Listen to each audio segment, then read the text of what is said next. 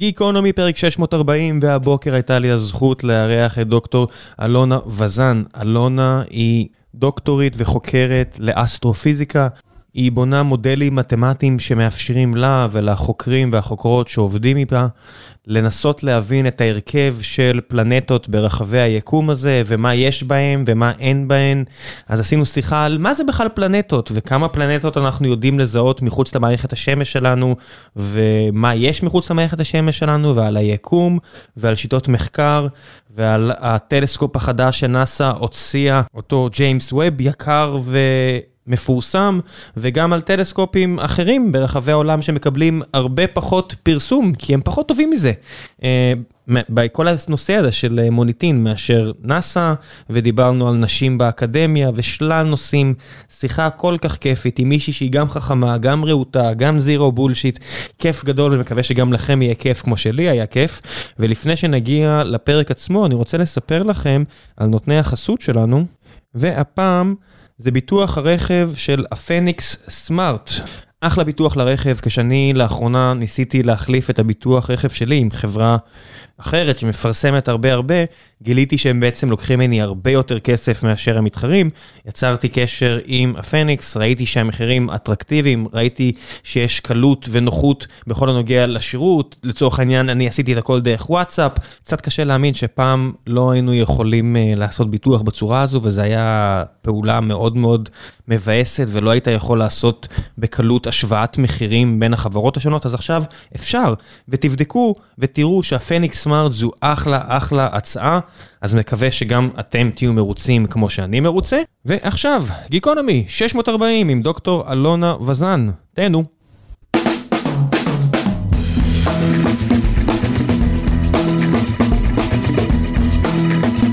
גיקונומי, פרק 640, והבוקר יש לי את הזכות הגדולה לארח את דוקטור אלונה וזן, אסטרופיזיקאית וחוקרת, מה העניינים? שלום, בוקר טוב, הכל יופי, איך אצלך? אין תלונות. איך מגיעים לאסטרופיזיקה?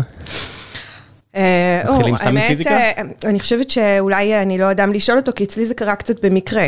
למה, בניגוד לאנשים אחרים שעשו בתואר ראשון באסטרופיזיקה? אה, לא, בארץ אין תואר ראשון באסטרופיזיקה, בעולם כן יש אגב. באמת? יש מדינות, כן, שיש בהן... איזה מדינות יש תואר ראשון באסטרופיזיקה? בהולנד למשל, באיטליה. אוקיי, מדינות מתוקנות בלי בעיות, את אומרת. אולי, זו גם דרך להסתכל על זה. אני לא יודעת אם זה יותר טוב או יותר... אה, רע, אבל אה, כן, בארץ מתחילים מפיזיקה, אני לא כיוונתי לאסטרופיזיקה, פשוט.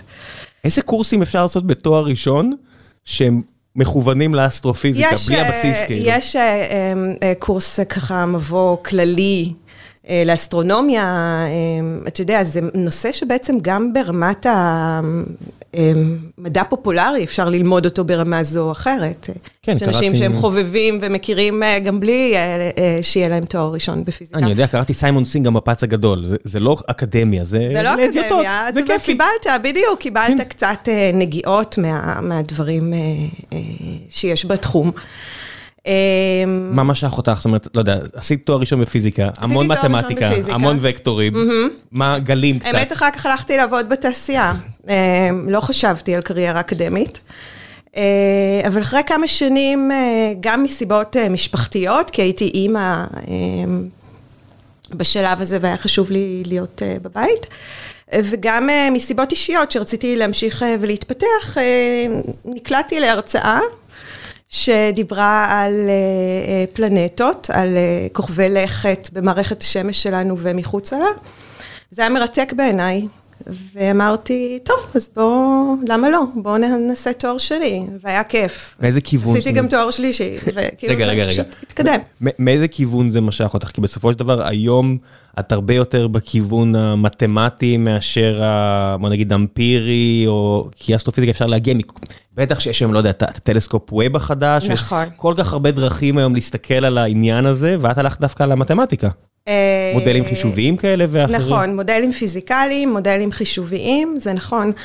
אה, כן, אני לא יודעת באמת, אה, אני חושבת שהעשייה שלנו בתוך האסטרופיזיקה, במקרה שלי, בתוך חקר הפלנטות התיאורטי, בעיניי הוא סוג של הארדקור. זאת אומרת, בסופו של דבר, החלק שמעניין אותי, הרי כמו שאמרת, אסטרונומיה, אסטרופיזיקה, אלה תחומים אדירים, מעורבים בהם המון המון תחומים של פיזיקה. כאילו זה בעצם נוגע בכל התחומים של, של פיזיקה, ב, ב, ב, כי אנחנו חוקרים את היקום שסביבנו. ובאיזשהו מקום, מה שעניין אותי, זה לנסות לענות על השאלות הבסיסיות שמעניינות כל אחד מאיתנו, כאילו, למה זה ככה, כמו שזה, כאילו, אני חושבת שהן מעניינות כל אחד מאיתנו, אולי אני טועה, אבל אתה יודע, להסתכל ולהגיד, רגע, למה הדברים נראים כמו שהם נראים? איך זה נוצר? ממה זה התחיל? מה יש שם בפנים? אנחנו רואים איזה, איזה גוף, כאילו, מה הולך בפנים? מה אנחנו יכולים להגיד על ההרכב שלו? למה, אה, אה, למשל, בתחום הספציפי שלי של פלנטות, למה חלק מהם הם כאילו כדור הארץ כאלה, וחלק מהפלנטות הם כמו צדק, אה, משהו כמו 300 ומשהו פעמים כדור הארץ במסה ומלא גז והכל. זאת אומרת, מה גרם לזה שזאת תהיה ככה וזאת תהיה ככה? מה היו התשובות ש, שברגע שהגעת אליהם, הבנת שזה, אוקיי, אני רוצה את זה? מה הסתדר? זאת אומרת, יש, מה, אני מניח שלא היה איזשהו רגע יוריקה, אבל איפה ראית את היופי בסופו של דבר? אני חושבת שאחד הדברים המדהימים בעיניי זה הגילוי של פלנטות מחוץ למערכת השמש. אתה יודע, עד שנות ה-90, אמצע שנות ה-90, הכרנו את הפלנטות שלנו פה במערכת השמש, את צדק, שבתאי, אורנוס, נפטון, ואת הפלנטות הקרובות, כוכב חמה וונוס ואנחנו. מערכת השמש שלנו. בדיוק, השמונה החמודות שלנו. זהו שמונה? אז היה תשע, לא? נכון, היה תשע. זרקו את פלוטו, סיפור ארוך, מסכן, אבל מוצדק. רחוק, קטן, אה. כן, היה שם... פריפריה תמיד נדפקת. פשוט מצאו עוד כמוהו, וכאילו זה קצת איבד את הפואנטה. אבל בשנת 95 מצאו את הפלנטה הראשונה מחוץ למערכת השמש. מה זה אומר מצאו? הרי היא הייתה שם. מצאו, ולכן אמרתי, לא המציאו. כן, אבל מה זה אומר מצאו? מצאו זה, אה, אה, גילו איזשהו אות שמסמל לנו שיושבת שם פלנטה. כש... אוקיי, בוא ניקח צעד אחורה. מה ההגדרה של פלנטה?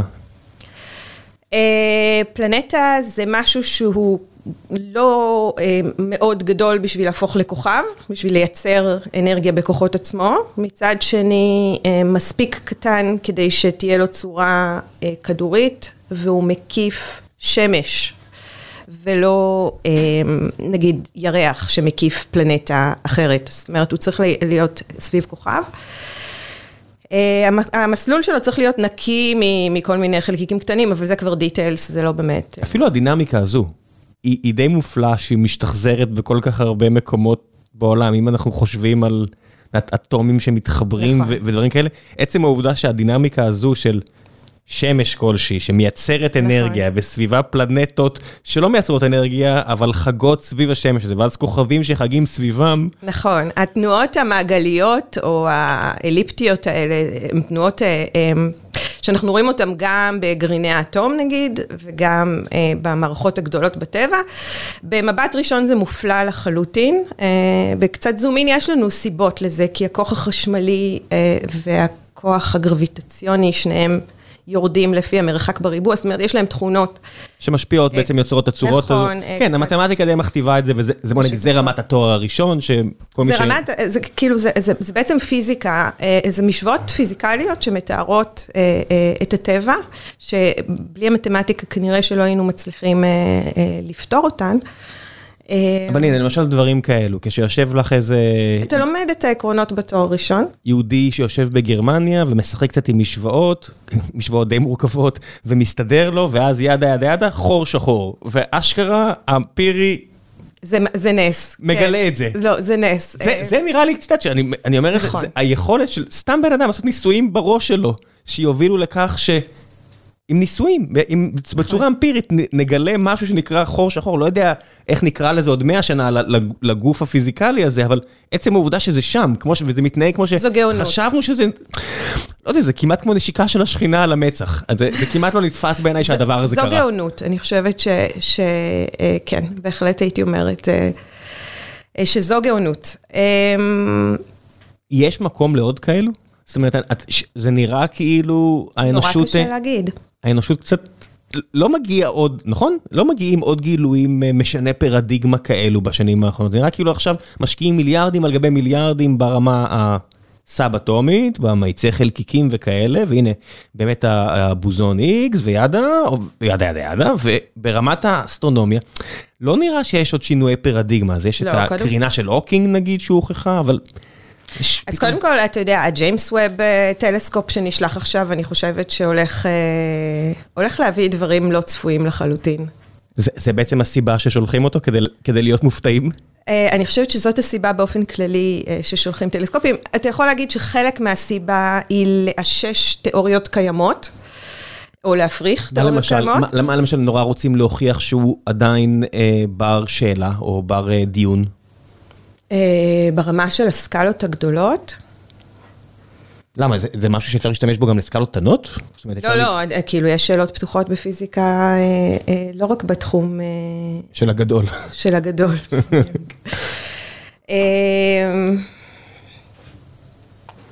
נגיד, על מה את עובדת שהיית שמחה לקבל תשובה? שאת אומרת, אני הייתי רוצה להיות פה כשהאנושות תמצא את התשובה לזה. כן, טוב, הכי obvious זה העניין של חיים ביקום. שזה משהו שאני מתעסקת איתו באיזושהי... באיזושהי רמה, לא מהצד הביולוגי, אבל כן בהחלט מהצד הפיזיקלי, כן, כשמחפשים פלנטות מחוץ למערכת השמש, אנחנו מחפשים סימנים לחיים. נצטרך אולי להגדיר מחדש את המושג הזה, אולי. כן. זאת אומרת, ההגדרה של חיים בארץ, זה תמיד מגיע נגיד לווירוס. כן. חי, לא חי. נכון. נמצא וירוס במקום אחר, זה חיים? אני חושבת שכן. אני חושבת שאם נמצא וירוס במקום אחר, אנחנו כל כך רחוקים מלמצוא את הווירוס, אנחנו הרבה יותר בעניין של למצוא איזשהו שינוי כימי, למשל, שירמוז לנו על זה. שמה, מקום שיהיה הגיוני שיווצרו בו RNA או DNA או דברים כאלו? מקום, זהו, אז אתה יודע, יש הרבה, כל הנושא של חיפוש חיים, יש הרבה מכשולים בדרך. הדבר הראשון הוא איזה סוג של חיים אנחנו מחפשים בכלל, כאילו, האם בהכרח חיים צריכים להיראות כמו חיים שהתפתחו פה על פני כדור הארץ, או הגיעו לפה. פחמניים? כן, כאילו, על כל הבסיס, בסיס מים, בסיס פחמן, בתנאים הספציפיים האלה, או שחיים זה הגדרה יותר כללית. יש סיבה אבל שנעשה, זה לא איזה משהו אקראי, דת המים שמצליחים בזכותם מתקפל חלבון, זה לא... האם זה פתרון יחיד? למשוואה. כן, או האם זאת אופציה אחת שהתממשה במקרה בכדור הארץ. אני לא חושבת שאנחנו יכולים לענות על השאלה, כי יש לנו כרגע רק דגימה אחת, שיהיה חיים פה. זאת שאלה שנידונה מאוד ברצינות באיגוד האסטרונומיה כבר לפני יותר מעשור, ואני חושבת שההחלטה כרגע היא לחפש משהו שהוא דמוי חיים כמו שאנחנו מכירים אותם, פשוט כי אחרת ההגדרה... כאילו, גם אם אנחנו מחפשים חיים כמו שאנחנו מכירים אותם, זה נורא קשה לחשוב אפילו מאיפה להתחיל. אז על אחת כמה וכמה אם נרחיב את ההגדרה, ולכן הוחלט להסתכל על זה ככה, ואז נשאלת השאלה באמת, מה מחפשים? כי זה די נאיבי לחשוב שאנחנו נראה איזה פלנטה שיצור ירוק ינופף לנו. אנא ערף, אני אחד הספרים האהובים עליי, שבדיוק בפרק האחרון חפרתי עליו עם אחד האורחים, זה The Three Body Problem, ושם זה סופר סיני שאני לא יודע לבטא את שמו. אז הוא הולך על אסטרטגיית, או על תיאוריית הדארק פורסט, שאני חושב שהוא אפילו טבע את המונח, ואז ההנחה היא שאם יש חיים איפשהו, הם לא רוצים שיגלו אותם, כי אם יגלו אותם, אולי התרבות שתגלה אותם כל כך מתקדמת, שהיא לא תבוא לטוב, אז כולם בשקט ברחבי היקום, וזה, משם יוצא סיפורים פנטסטיים. זאת שאלה, אני חושבת שמלווה את האנושות. אולי אפילו מלפני הספירה, היוונים כבר התחילו לדון בזה, היו ביניהם שטענו שכדור הארץ הוא יוניק, אין לו שני, והיו פילוסופים יוונים אחרים שטענו שיש עוד הרבה כאלה. אם אני מסתכלת על ה... על החיים היותר מודרניים, כבר בשנות ה-50, בשנות ה-60, פרמי ודרייק, יש את משוואת דרייק שאומרת כמה חיים, זאת אומרת איזשהו חישוב, סדר גודל, הערכה של כמה חיים אמורים להיות ביקום. באין שואף לאינסוף, יש אינסוף. בדיוק, נכון, אז אתה חושב, אתה יודע, בגלקסיה שלנו יש 10 ב-11 כוכבים, סדר גודל, יש... בערך 10 ב-11 גלקסיות. 10 בחזקת 11, זאת אומרת, עשו 10 ב... נכון, כאילו 100 ביליון. כאילו 100 מיליארד... אה, אה, כוכבים כמו כדור הארץ? לא, לא, כוכבים כמו השמש. כמו השמש, סליחה, שמסביבם יש מערכות שלמות של פלנטות. מה, הסטט, מה הסטטיסטיקה של כמה פלנטות יש סביב כל כוכב, שזאת שאלה שאנחנו בערך יודעים לענות עליה. ואז עולה השאלה אם זה בכלל משנה, כי אנחנו חיים בנקודת זמן מאוד מאוד ספציפי נכון, וקצרה, נכון. ובגלל העובדה שמהירות האור היא סופית, אז גם. הנראות שלנו סביב הפס... אנחנו מאוד מוגבלים. החוויה האנושית היא מאוד מאוד מאוד מוגבלת, ואנחנו בפינה זעירה של השכונה, של, ה... של הכדור, או של, לא יודע, לא של הכדור, של היקום נכון. הזה, ולא, אין לנו, אף פעם לא נצא החוצה. זאת אומרת, בגלל שמהירות האור מוגבלת, אנחנו לא נדע מה קורה מעבר לשכונה שלנו. אה, האור, אתה יודע, זה לא לא מדויק. לא עכשיו, אנחנו לא- נדע מה היה נכון, פעם. נכון, בדיוק. כן, אוקיי, אנחנו לא יודעים מה קרה אה, עכשיו. אנחנו כן מקבלים אור מ... מ- מפעם. רק אה, לפני שבוע, JWST אה, אה, גילתה שתי גלקסיות מהיקום הקדום, הכי רחוק שהצלחנו לראות עד עכשיו, משהו כמו 300 מיליון שנה אחרי המפץ הגדול, שזה מטורף. והן אגב מאירות הרבה יותר ממה שהן היו אמורות להאיר. זאת אומרת... למה? יש פה... מה, מה זה אומר מהירות הרבה יותר? זאת אומרת, את, את אומרת, מאירות באלף, זאת כן, אומרת, כן, יש להם אור. יותר קרינה. כן. כרגע משייכים את זה לזה שהן מסיביות יותר, לא, אני אומר, אבל ממה כשאת אומרת- שהעריכו שהן יהיו בשלב הזה של כי יש היקום. מודלים שאת אומרת, אוקיי, יש נקודה סינגולרית שיוצאת החוצה, ואז חומר מתחיל להתקבץ. אחד- רקומבינציה, נכון. זה, ואז בסופו של דבר יש פעולות גרעיניות ברמה כזו או אחרת, וזה מפיץ אור כן, וכאלה. כן, אז זאת אומרת, כן. איפה המודל כשל היווצרות של- שהופתענו? לא יודעים, אתה יודע, זה תגלית משבוע שעבר, ידונו בעוד. הרבה מאוד, כן, אבל זה דבר שלא היה צפוי, ו- האם בסיטואציה כזו צריך לשנות את המודלים? יכול להיות. כאילו, אני יכולה להגיד אה, אה, מתחום המחקר שלי, שבעקבות הגילוי של פלנטות מחוץ למערכת השמש, היה צריך לשנות את המודל של היווצרות מערכות שמש. זאת אומרת, נבנו מודלים בשנות ה-80 על בסיס מערכת השמש שלנו, אה, ואז התגלתה הפלנטה הראשונה סביב שמש אחרת בגלקסיה, והיא הייתה שונה מכל התיאוריה, אי אפשר היה להסביר אותה באמצעות התיאוריות כשמה מה הפרמטרים? הידועות. המרחק בין הכוכב לפלנטות, הרכב הפלנטות? הכל, כן, כל התשובות נכונות. זאת אומרת, במקרה הספציפי הזה, בשנת 95, כשהתגלתה הפלנטה הראשונה, היא הייתה בגודל של חצי צדק, מלאה גזים, ענקית כזאת, חצי סטייק במסה או בהיקף? במסה, אוקיי. במסה, והיא הייתה קרובה מאוד מאוד לכוכב שלה. מה זה קרובה? היא מקיפה אותו בארבעה ימים. זאת אומרת, הרבה יותר קרוב מהפלנטות. איך היא לא... אגב, רוב הפלנטות שאנחנו מגלים במקומות אחרים הם, הם מהסוג הזה. הם איך הן לא. נשרפות? כן, איך היא לא נשרפת? הגרביטציה מספיק אומרת, חזקה. נשרפת, אתה יודע. לא, זה לא נשרף, כן. כן. זה משהו כמו אלף מעלות, נגיד, ב, ב, בשפה שלה. טוב, אה, אלף מעלות... אה, אלף מעלות זה- מתכת עדיין לא נעלמת. ו- סביר, כן, לא, חלק מהגז מתאדה, אבל זה בסדר, עדיין הגרביטציה מספיק חזקה כדי לשמור אבל היא אותה. לא מתכווצת כי חומר בורח אה, לחלל? כן, אבל מעט. הכמויות ב... כן, יש בריחה כזאת בפלנטות קטנות יותר, שיכולות לאבד את כל האטמוספירה שלהן, אבל בגדולות, הבריחה היא זניחה ביחס לכמות המסה הכוללת, אז אין, כן. אה, אין אישו. אבל אבל זו דוגמה למ- למקרה שהתיאוריה נשברה מהגילוי החדש. מה מה ציפינו שיהיה ומה גילינו? אה, בזמנו, בשנות ה... לפני הגילוי של הפלנטה הראשונה, אנשים אמרו שאין דבר כזה אה, אה, ענק גזים כל כך קרוב לכוכב. אלה שם בחוץ, כמו צדק ושבתאי, והקטנות הסלעיות בפנים, ויש סיבה לזה, כאילו... את יכולה להגיד למה? זה בלי... או שזה מסובך מדי? לא, זה לא מסובך מדי, מה שאנחנו מבינים היום זה שפלנטות עושות הגירה, הן עושות רילוקיישן. הן לאו דווקא זאת אומרת, המסלול האליפטי הוא לא נשארות? אליפטי?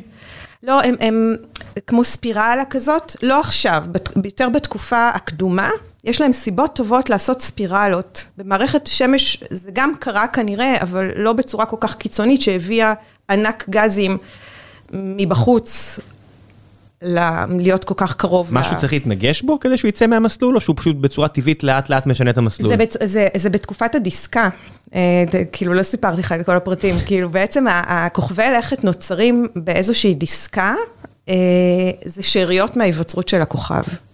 זאת אומרת, אם נוצר לנו כוכב מאיזשהו ענן של מימן והליום, שבעצם קורס לתוך עצמו, ו... ו... זאת אומרת, הרבה, הרבה. יסודות קלים כמו מימן והליום. פשוט, נכון. פשוטים, אני עושה פה במרכאות. לא, הם קל... כן, הם כן, קלים. פש... הם מעט מאוד בתוכם, נכון. והם מתר... מתקר... בגלל כוח המשיכה, מה בעצם מקבץ אותם לנקודה אחת? כן, לא, מה- מה, מה, יוצר את ה... כי יש כבר התכווצות של משהו? בדרך כלל יש איזו הפרעה קטנה. וההפרעה הקטנה הזאת היא גורמת להתכווצות, התכווצות, התכווצות, עד איזושהי נקודה קריטית, אה, אה, ש, שההתכווצות הופכת להיות מהירה. דרסטית יותר, בדיוק. אה, ואז אה, הכוכב נדלק, זאת אומרת, אה, מתחיל שם היתוך בעצם. שבגלל ש... שיש כל כך הרבה לחץ פנימה, יסודות מתחילים כבר להשתנות, המימן וההליום הופכים ליסודות כבדים יותר, עד נכון, לרמה מסוימת, שזה נכון. כבר יסודות שכבר... בהתחלה קולטים... זה המימן, רוב זמן זה המימן, אנחנו כאילו עם, עם המימן כרגע בשמש שלנו, וזה פולט המון אנרגיה, וזה אור השמש בעצם, אור השמש זה היתוך של מימן. אמ, ובשאריות שנותרו מסביב, הכוכב החדש הזה גם מסתובב, וכשענן שאריות מסביבו מסתובב, אז הוא הופך לדיסקה. ובדיסקה הזאת נוצרות הפלנטות. עכשיו, אנחנו יודעים, זאת אומרת, זה האתגר. האתגר הוא, אוקיי, יש לך דיסקה, צלע מגופה של הכוכב צעיר, יוצאת ו... בדיוק, זה משהו כמו 1% מהמסה אמ, אמ, של הכוכב, השאריות, איזה סלע נשאר שם. עכשיו, אנחנו גם יודעים שהדיסקה הזאת קצובה בזמן, זאת אומרת, אנחנו מתצפיות על דיסקות אחרות, יודעים להגיד שזה משהו כמו בין מיליון לעשרה מיליון שנה, it's gone. שזה כלום בפיתה במונחים אסטרונומיים. זה כלום בפיתה, עכשיו תייצר פלנטות, בהצלחה. כאילו זה ה... אבל זה קורה כל הזמן, אני מניח. זה ה challenge.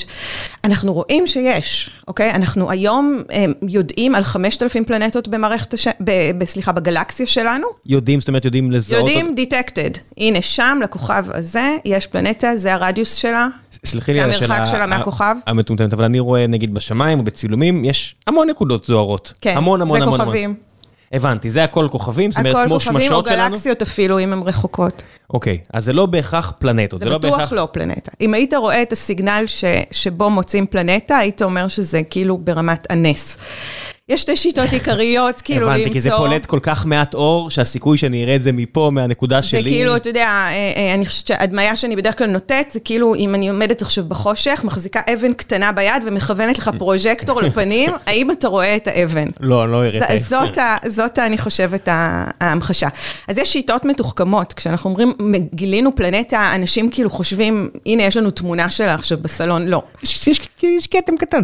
אז בדיוק, אז באחד משני הדברים שאנחנו מודדים, יש עוד כמה שיטות, אבל השיטות העיקריות, אחת זה פשוט שהאבן חוצה את המסלול של הפרוז'קטור, ובטיפה מורידה את העוצמה שאנחנו קולטים מהפרוז'קטור. ואז אנחנו, כאילו, היא חוצה, היא פשוט עושה ליקוי. אה, וכשהמכשירים שלנו מספיק מדויקים, אנחנו יכולים לראות את הליקוי הקטנצ'יק. ולפי זה, לפי הצורה שבה ש... נחסם אור, mm-hmm. אנחנו מתחילים כבר לקבל הבנה של א', זה שם, וב', מה מרכיב, איזה יסודות מרכיבים בכלל את החתיכת צלע הזו או גז? אז זה, אז זה כבר uh, שלב uh, מאוחר יותר, של העשור האחרון נגיד, uh, של כן, אנחנו דרך... נגיד יש לנו גוש כמו כדור הארץ, גוש סלע כזה, שיסתיר את הכוכב, תדמיין שאנחנו עכשיו עושים ליקוי. שמישהו מסתכל עלינו ואנחנו מסתירים את השמש מבחוץ, שלנו. בדיוק. כן. יש עכשיו אטמוספירה סביבנו, שלנו היא ממש דלילה נחשבת, אבל בגדול יש אטמוספירה. הקרניים עוברות, הקרניים של השמש עוברות דרך האטמוספירה הזאת, אתה יכול לקלוט אותה באורכי גל שונים, כאילו בצבעים שונים בספק. משהו מפריע לו. בדיוק. כן. עכשיו, לפי מה אתה קולט, מה עבר ומה לא עבר, אתה יכול להגיד מה החומרים שמהם האטמוספירה עשויה. אבל אנחנו יודעים רק את האטמוספירה, איך אנחנו יודעים ממה עשוי מה יש למטה? אה, זה, זה עניין אה, אחר, אני מתעסקת בעניין הזה בדיוק הרבה. אה, אנחנו, ברגע שאנחנו יודעים רדיוס ומסה של גוף, אנחנו יכולים לחשב צפיפות ממוצעת. כשאתה מחשב, כאילו כדור, וברגע שיש לך את הצפיפות הממוצעת של כדור... אבל זה צפיפות ממוצעת, איך אני יודע אם צפיפות... זאת אומרת, אם אני מסתכל על כדור הארץ, יש לנו פה את כל היסודות ממימן ועד אורניום. כן. בני אדם גם עשו גם לעצמם יסודות מלאכותיים כבדים יותר. כן. אבל איך הממוצע ידע להגיד, אם מישהו מסתכל עלינו, איך הוא ידע להגיד שיש פה ככה אחוז אה, מתכת, וככה אחוז חנקן, וככה אחוז אז, אה, אורניום? אז כן, אז אתה, אתה לא תרד לרזולוציה המאוד מאוד אה, קטנה באמצעות אה, מודלים כאלה.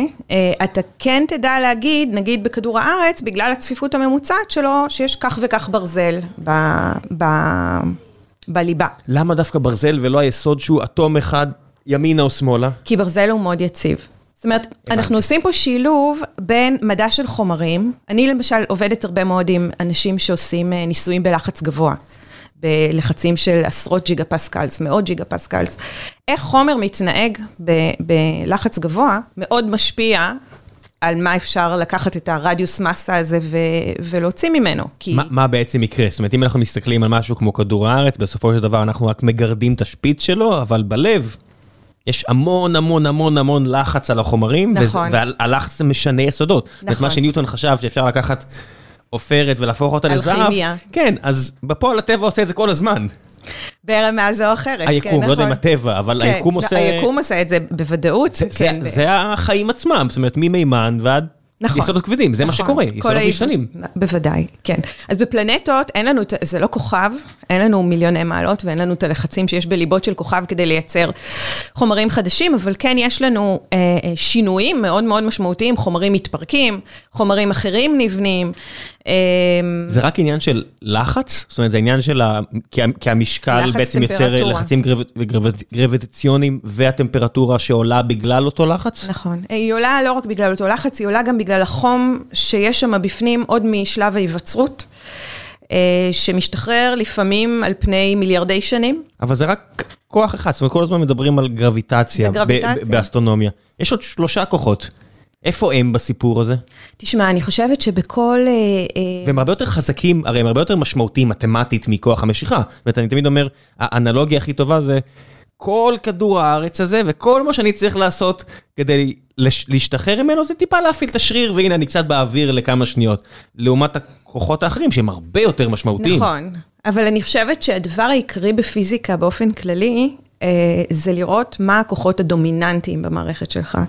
זאת אומרת, שם המשחק בסופו של דבר, הוא לדעת, אה, אה, הרי כל המודלים הם בסופו של דבר מקורבים, אבל, אה, אבל הם מקורבים ועדיין עובדים. כן, כי אם יש משהו שהוא בטל אנחנו בשישים, יודעים- כמו נכון, שנאמר, אה, נזרוק אותו. בדיוק, אז, אז על אותו עיקרון פה. במערכות שונות, כוחות שונים, זאת אומרת, במערכת האטומית כוחות מסוימים יהיו הדומיננטיים, ובמערכת האסטרופיזיקלית כוחות אחרים, גם תלוי במערכת, זאת אומרת, אמ, בפיזיקה של, סליחה, באסטרופיזיקה של אנרגיה גבוהות. אמ, יש כוחות מסוימים ש, שיהיו חשובים יותר מאשר באסטרופיזיקה של פלנטות. למה? כי, כי, כי בהיקפים כאלה... למשל, שדות מגנטיים אדירים ש, ש, שיש בכוכבי ניוטרונים, במגנטרים. אין לנו אותם בפלנטות. לג'ופיטר יש, אה, כן, לצדק, יש אה, אה, שדה מגנטי מפואר יחסית לפלנטה, אבל הוא לא... אבל הוא זניח ביחס לכוח זניח משיכה? ביחס למה שיש שם, וכן, עדיין כוח משיכה משחק לנו את התפקיד העיקרי, שלא להזכיר את השדה המגנטי של כדור הארץ, שהוא כאילו לא...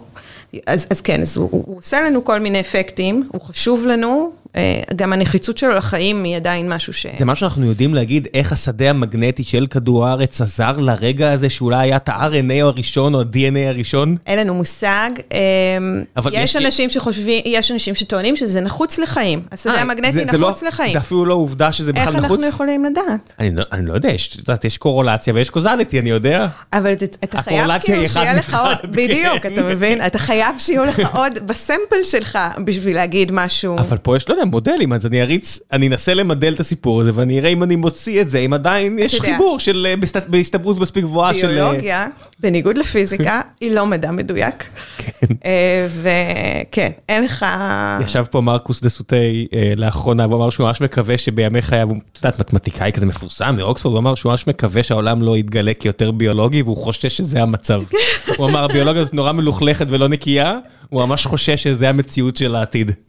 שנגלה שהרוב זה מלוכלך מערכות ביולוגיה. מורכבות, כן. אמ, כן, נכון, כי אתה יודע, כי מערכות מורכבות, אבל יכול להיות שגם יהיו לנו כלים לטפל בהם בצורה יותר... אמ, יותר טובה ממה ש... דברים יותר סטטיסטיים הסתברותיים מאשר אה, פשוט מדע נקי, ברור, תשובות שתמיד חוזרות על עצמם בניסויים.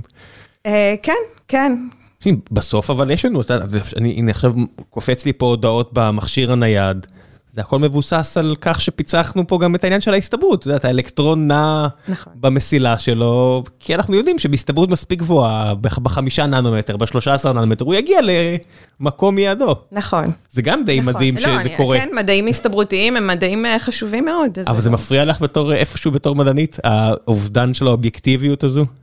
אה, העובדה שזה לא מדע, אה, זה עדיין מדע מדויק, כאילו אנחנו כן מצליחים להגיע... לתחזיות אה, מאוד מדויקות של לתח- ניסויים, נכון. ועדיין.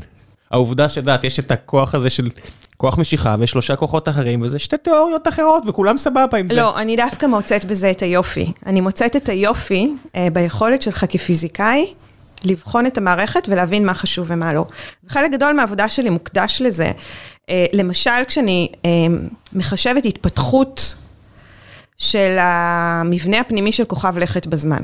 כאילו, יש היווצרות, נוצר משהו, התווספו חלקיקים לכדור. קרה משהו, הייתה את ה... כן, פלנט פורמיישן זה תחום בפני עצמו, אבל אוקיי, יצרנו, עשינו את הפלנט פורמיישן, ועכשיו אנחנו צופים בפלנטות האלה בגילאים של מיליארדי שנים.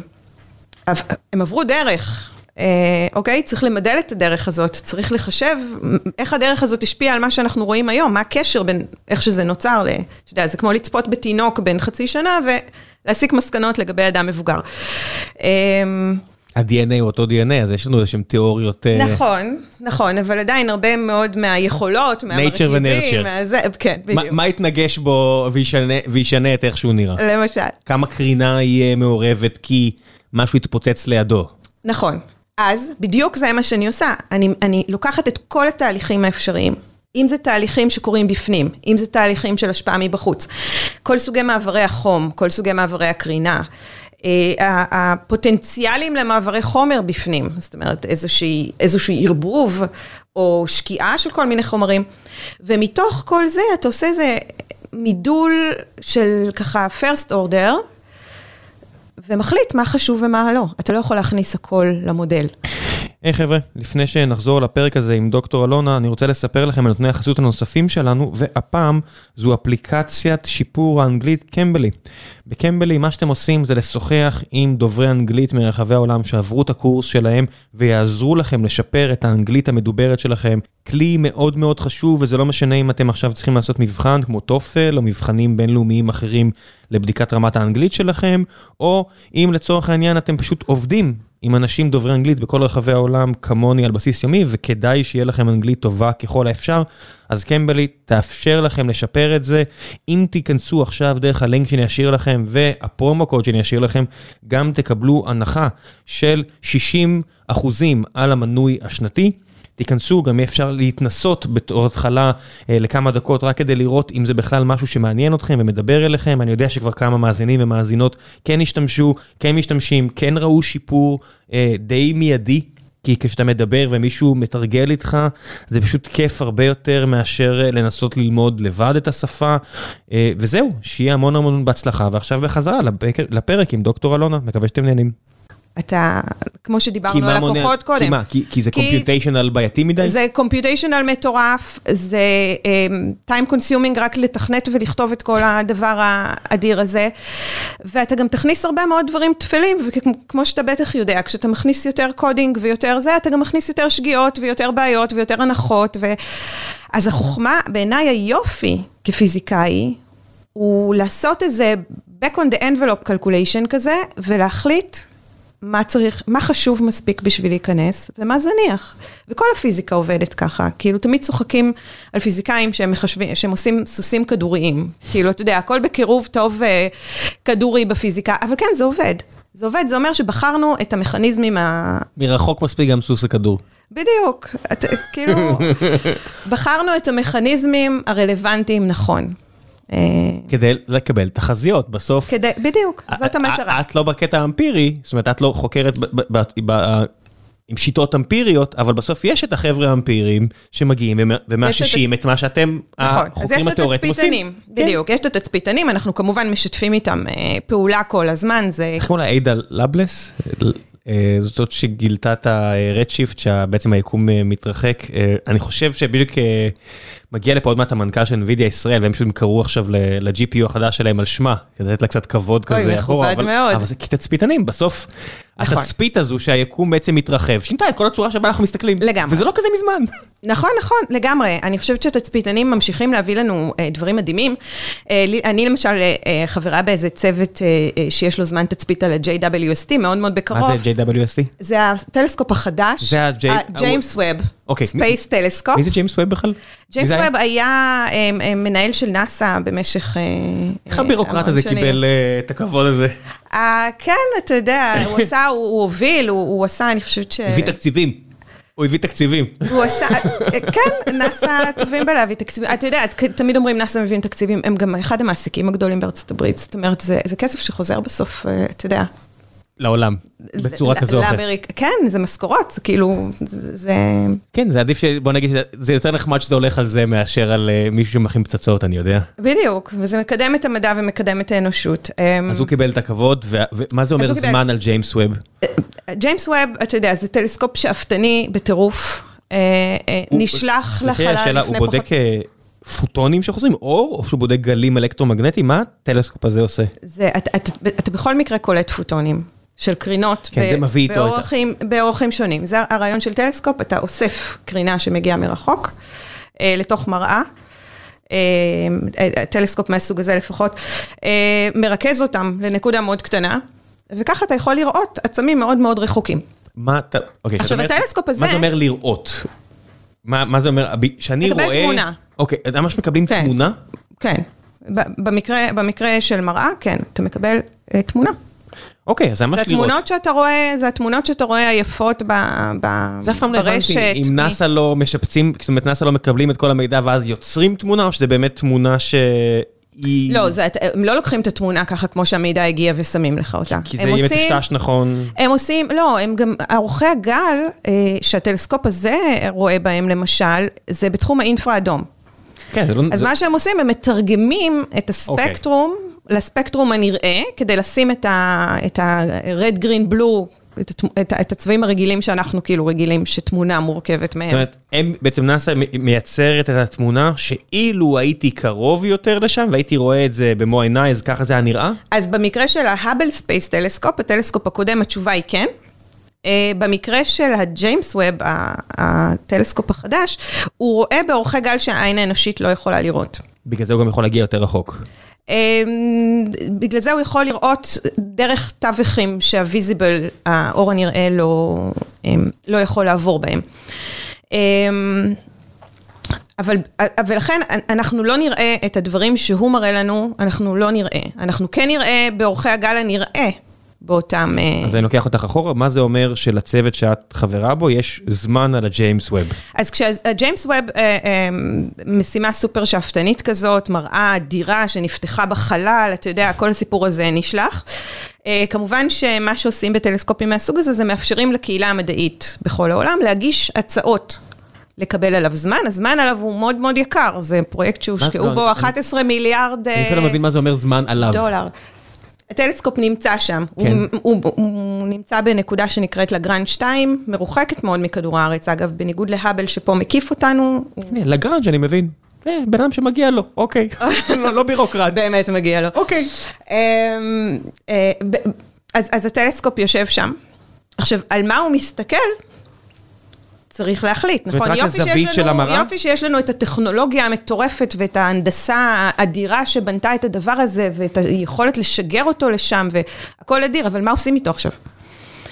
אז הדבר הטוב ביותר לעשות איתו עכשיו, זה לבקש מהקהילה המדעית להציע מה הכי חשוב לכם לראות, מה אפשר לעשות? מה ומה זה- הכי זה- זה מגניב. לאיזה- זה לאיזה, זה לאיזו זווית בחלל התלת-ממדי הזה הוא יכוון? כן, אתה פשוט אומר, אני רוצה לצפות בעצם הזה והזה.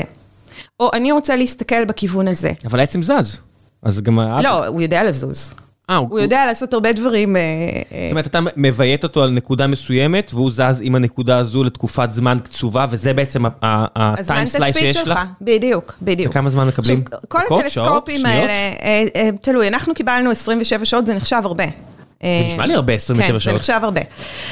אה, צריך לזכור שגם חלק מהזמן, מישהו תמחר את זה, אני לא זוכרת, זה היה נורא מצחיק, כאילו לקח את ה-11 מיליארד דולר שהטלסקופ הזה עלה לאורך השנים, הוריד את הזמן מיינטננס שלו, את כל התחזוקה, כי גם חלק לא, לא קטן מהזמן הוא לתחזוקה ולקיולים ולכיוונים, ולקח אה, כמה זמן, כמה כל דקה עולה, זה, אני לא זוכרת את הסכום, אבל זה היה המון המון כסף. אה, בכל אופן, כן, כולם מציעים הצעות, הקהילה המדעית, זה אפילו בעילום שם. איפה מצ... אה, כדי שלא יהיה העדפה לאמריקאים? לנאסא, כן, ואז... אה, בעילום שם. כן, זה חדש יחסית, הסיפורים האלו. בדיוק באתי לשאול אותך אם יש העדפה לגברים לבנים אמריקאים. זה, כן, זה די חדש הנושא אני חושבת, בשנים האחרונות, ממש בשנים האחרונות. אמ, זה כדי שלא תהיה אפליה על רקע הקבוצות שהן יותר פופולר או פחות פופולר אה, מבחינה מדעית. מגישים הצעות שמפרטות למה זה מעניין ומה המדע שמאחורי זה ואיפה השימוש. ונבחרות הצעות בכל? סייקל כזה, פעם בשנה. צוות של מומחים, שולחים את זה גם לחוות דעת אה, אה, של מומחים ספציפיים בכל תת-תחום. אה, כן, ואנחנו קיבלנו זמן על הסיבוב הראשון של הטלסקופ. מה אתם שזה מנסים סופר לגלות? מגניב. יש אה, אה, מערכת, אה, מערכת צעירה של כוכב צעיר, צעיר מאוד, עם הפלנטות, ארבע פלנטות סביבו, שכבר מוכרות. אה, זאת אומרת, כבר צפו בהם בטלסקופים הרבה פחות משוכללים, יודעים שהם שם. אה, ואנחנו רוצים לראות אה, אה, מה קורה באטמוספירות שלהם, ממה האטמוספירות עשויות. מסתכלים על כל הארבע? אנחנו מסתכלים על שתיים, בחרנו שתיים. בתוך ה-27 שעות יש 13 וחצי שעות על כוכב אחד, ואז, לא כוכב, פלנטה אחת ועוד 13 וחצי שעות על פל- פלנטה אחרת? אה, יש, זה קצת יותר מסובך מזה, כי לפעמים אפשר לראות שניים, ולפעמים צריך להתמקד כי הם קרובים מספיק? על אחד, הם לא רחוקים, כן, הם, שניהם קרובים לכוכב שלהם גם. זה מערכת מאוד צעירה, זו מערכת של 23 מיליון שנה. אה, כלום פיתה. זה, באמת כלום, כאילו אם אתה חושב על זה שמערכת השמש שלנו בת ארבעה וחצי מיליארד. מיליארד שנה, כן. אז זה כמו להסתכל על תינוק בן כמה חודשים בעצם. אה, והמטרה שלנו להסתכל על התינוקות האלה, כדי להבין יותר טוב היווצרות של פלנטות, ומה עובר עליהם בשלבים המאוד מאוד ראשונים. זה אומר שכל היסודות שהם עדיין נורא קלים? כי זה עדיין לא היה זמן להיווצרות של אה, מתכות כבדות? לא, את המתכות הכבדות אנחנו לא, הפלנטות לא יוצרות בעצמן, הן אוספות. זה מהדיסקה, זה מה... זאת אומרת, מה שהגיע, הגיע? מה שהגיע, הגיע. לא נוצר שם שום דבר חדש. האורניום שיש בכדור הארץ עכשיו, הוא פה כבר מאז שכדור הארץ איתן? מה- לגמרי, לגמרי. מה, באמת? כן, כן. זה שהוא עדיין מתפרק, זה כי הזמן מחצית חיים שלו... מספיק אה, ארוך. הוא ש- של מיליארדי שנים, בדיוק. ולכן החימום של כדור הארץ, אה, חלק אה, לא זניח ממנו מגיע מהתפרקות של חומרים רדיואקטיביים ב... ב... חלק לא זניח מההתחממות של כדור הארץ. אבל- לא, לא גלובל וורמינג, אל תערבב לא, עכשיו. אה, הגלובל. וורמינג הוא מחזורי גם. מהחום שיוצא מבחוץ. כן. מהחום שיוצא מבפנים, אני, אני חושבת שחלק זה עדיין מהאנרגיה הקדומה של ההיווצרות, כי היווצרות זה דבר מאוד אגרסיבי, זה כאילו תהליך מאוד אנרגטי, המון אימפקטס, ו, אה, וחלק מהעוד החומרים הרדיואקטיביים. כמה מהחום שאנחנו חווים, נגיד עכשיו, לא יודע, בחוץ 20 מעלות, כמה מזה זה מבפנים. שמש, וכמה מזה מבפנים? מעט מאוד מבפנים. אתה, אתה בעיקר... שברי מעלות? אה, חמש מעלות הייתי אומרת, אה, אבל חמש אני מעלות לא... זה המון. אבל אני לא, טוב, אני לא יודע ביחס למה, זוכרת האמת ש- מספרים, כן. אה, בלי שמש תשמע, בכלל? זה נורא תלוי. לא, אתה, אתה גם צריך, אה, צריך לחשוב פה אם אתה לוקח את האטמוספירה בחשבון, או לא לוקח את האטמוספירה בחשבון. כי האטמוספירה שומרת קצת על החום בפנים. בפנים, בדיוק. גם אצלנו זה ככה, בפלנטות אחרות, זה הרבה יותר קיצוני, יש להם נגיד אטמוספירה אה, יותר מסיבית, אז... אה, זאת אומרת, בלי ה- שמש בכלל, או אין דבר כזה, אבל נניח בהז- בהזנחה של שמש בכלל, הטמפרטורה פה תהיה אפס מוחלט פלוס אותם חמש מעלות? הייתי אומרת. אוקיי, זה באמת זניח אז. כי- כן, כי כן. השמש מביאה אותנו הרבה מעל האפס המוחלט. כן. לא, לא דיברתי על האפס. אה, לא, אני אומר, אם אין אנרגיה מ- מהכוכב, אם מהשמש, אין אנרגיה, אז אם- פה אם- היה... אם מכבים את השמש עכשיו, כן. אמ, אני לא יודעת אם אם יש חישוב כזה. זו שאלה לא לגיטימית? אם עשו חישוב כזה. לא, כי ברגע שאתה מכבה את השמש, גם יותר חום יזרום מבח- מבפנים. למה? כי הפרשי הטמפרטורות אה, עולים. הבנתי. כאילו זרימת כן. החום כי בחוץ יהיה הרבה יותר קר, הטמפרטורות, כן, ואז אז אני לא יודעת להגיד. הבנתי, הבנתי, אוקיי, זה- אני לא יודעת להגיד. אבל אני כן יודעת להגיד שלאטמוספירה יש אה, משמעות אדירה, זאת אומרת, אה, עשינו חישובים על אה, פלנטות שבהן יש אטמוספירה מסיבית, כאילו, נגיד, חצי מסת ארץ, או אפילו מסת ארץ, יש כאלה, איזה כן? אקוצנטרים אנחנו. כן, אנחנו כל הזמן חושבים רק על אה, אה, כדור הארץ, אבל אם אתה חושב על כאלה, אתה, אתה מגלה שכל ה, החלק הסילאי שלהם, למשל, נשאר במצב של אבא. הוא לא, הוא לא מתמצק אפילו, במשך מיליארדי שנים. למה, זאת אומרת, היסוד כאילו מגמה? זאת אומרת, מה? כזה, בדיוק, זה, זה בעצם אה, סלע מותח. זאת אומרת, לא לא זאת אומרת, נוזל, הסלע לא... לא מתמצק שם אפילו, כמו לנו יש סלע מוצק פה על פני כדור הארץ. הוא לא מתמצק אפילו, למה הוא לא נהיה גז נגיד, אם הוא כל כך חם? כי הוא לא חם מספיק. כאילו יש איזה... וזה הענ- הענקים הגזיים, זה פשוט כאלה שהם פשוט חמים מספיק כדי שהכל יהיה גז? לא, הם, אה, הם פשוט אספו מלא גז בתקופת הדיסקה. בזמן שכדור הארץ ככה התארגן לו לאיטו, למה יש ולאט לאט גז צבר ולא מסה, חומר? הם. כי גז היה הכי הרבה. זאת אומרת, הדיסקה הייתה מורכבת כמו כוכב, מ-98% גז, שהגז מה זה מימן חנקן וכאלה? מימן והליום בעיקר. אה, ממש, ממש... אה, 75% מימן, 25% הליום. וזה פשוט חומרים שלא הצליחו, לא השכילו, לא, לא, אה, underachievers, הם לא הפכו להיות אה, מוצקים כאלו, חומרים שאפשר, הם בר... אה, נכון. ברי הצקה, מוצקה, לא יודע מה... התמצקות, התמצקות, אוקיי. הם, הם פשוט לא הפכו לחומרים כבדים יותר. וזה בעצם רוב החומר שנמצא ביקום, לא? רוב החומר שנמצא ביקום הוא מימן והליום.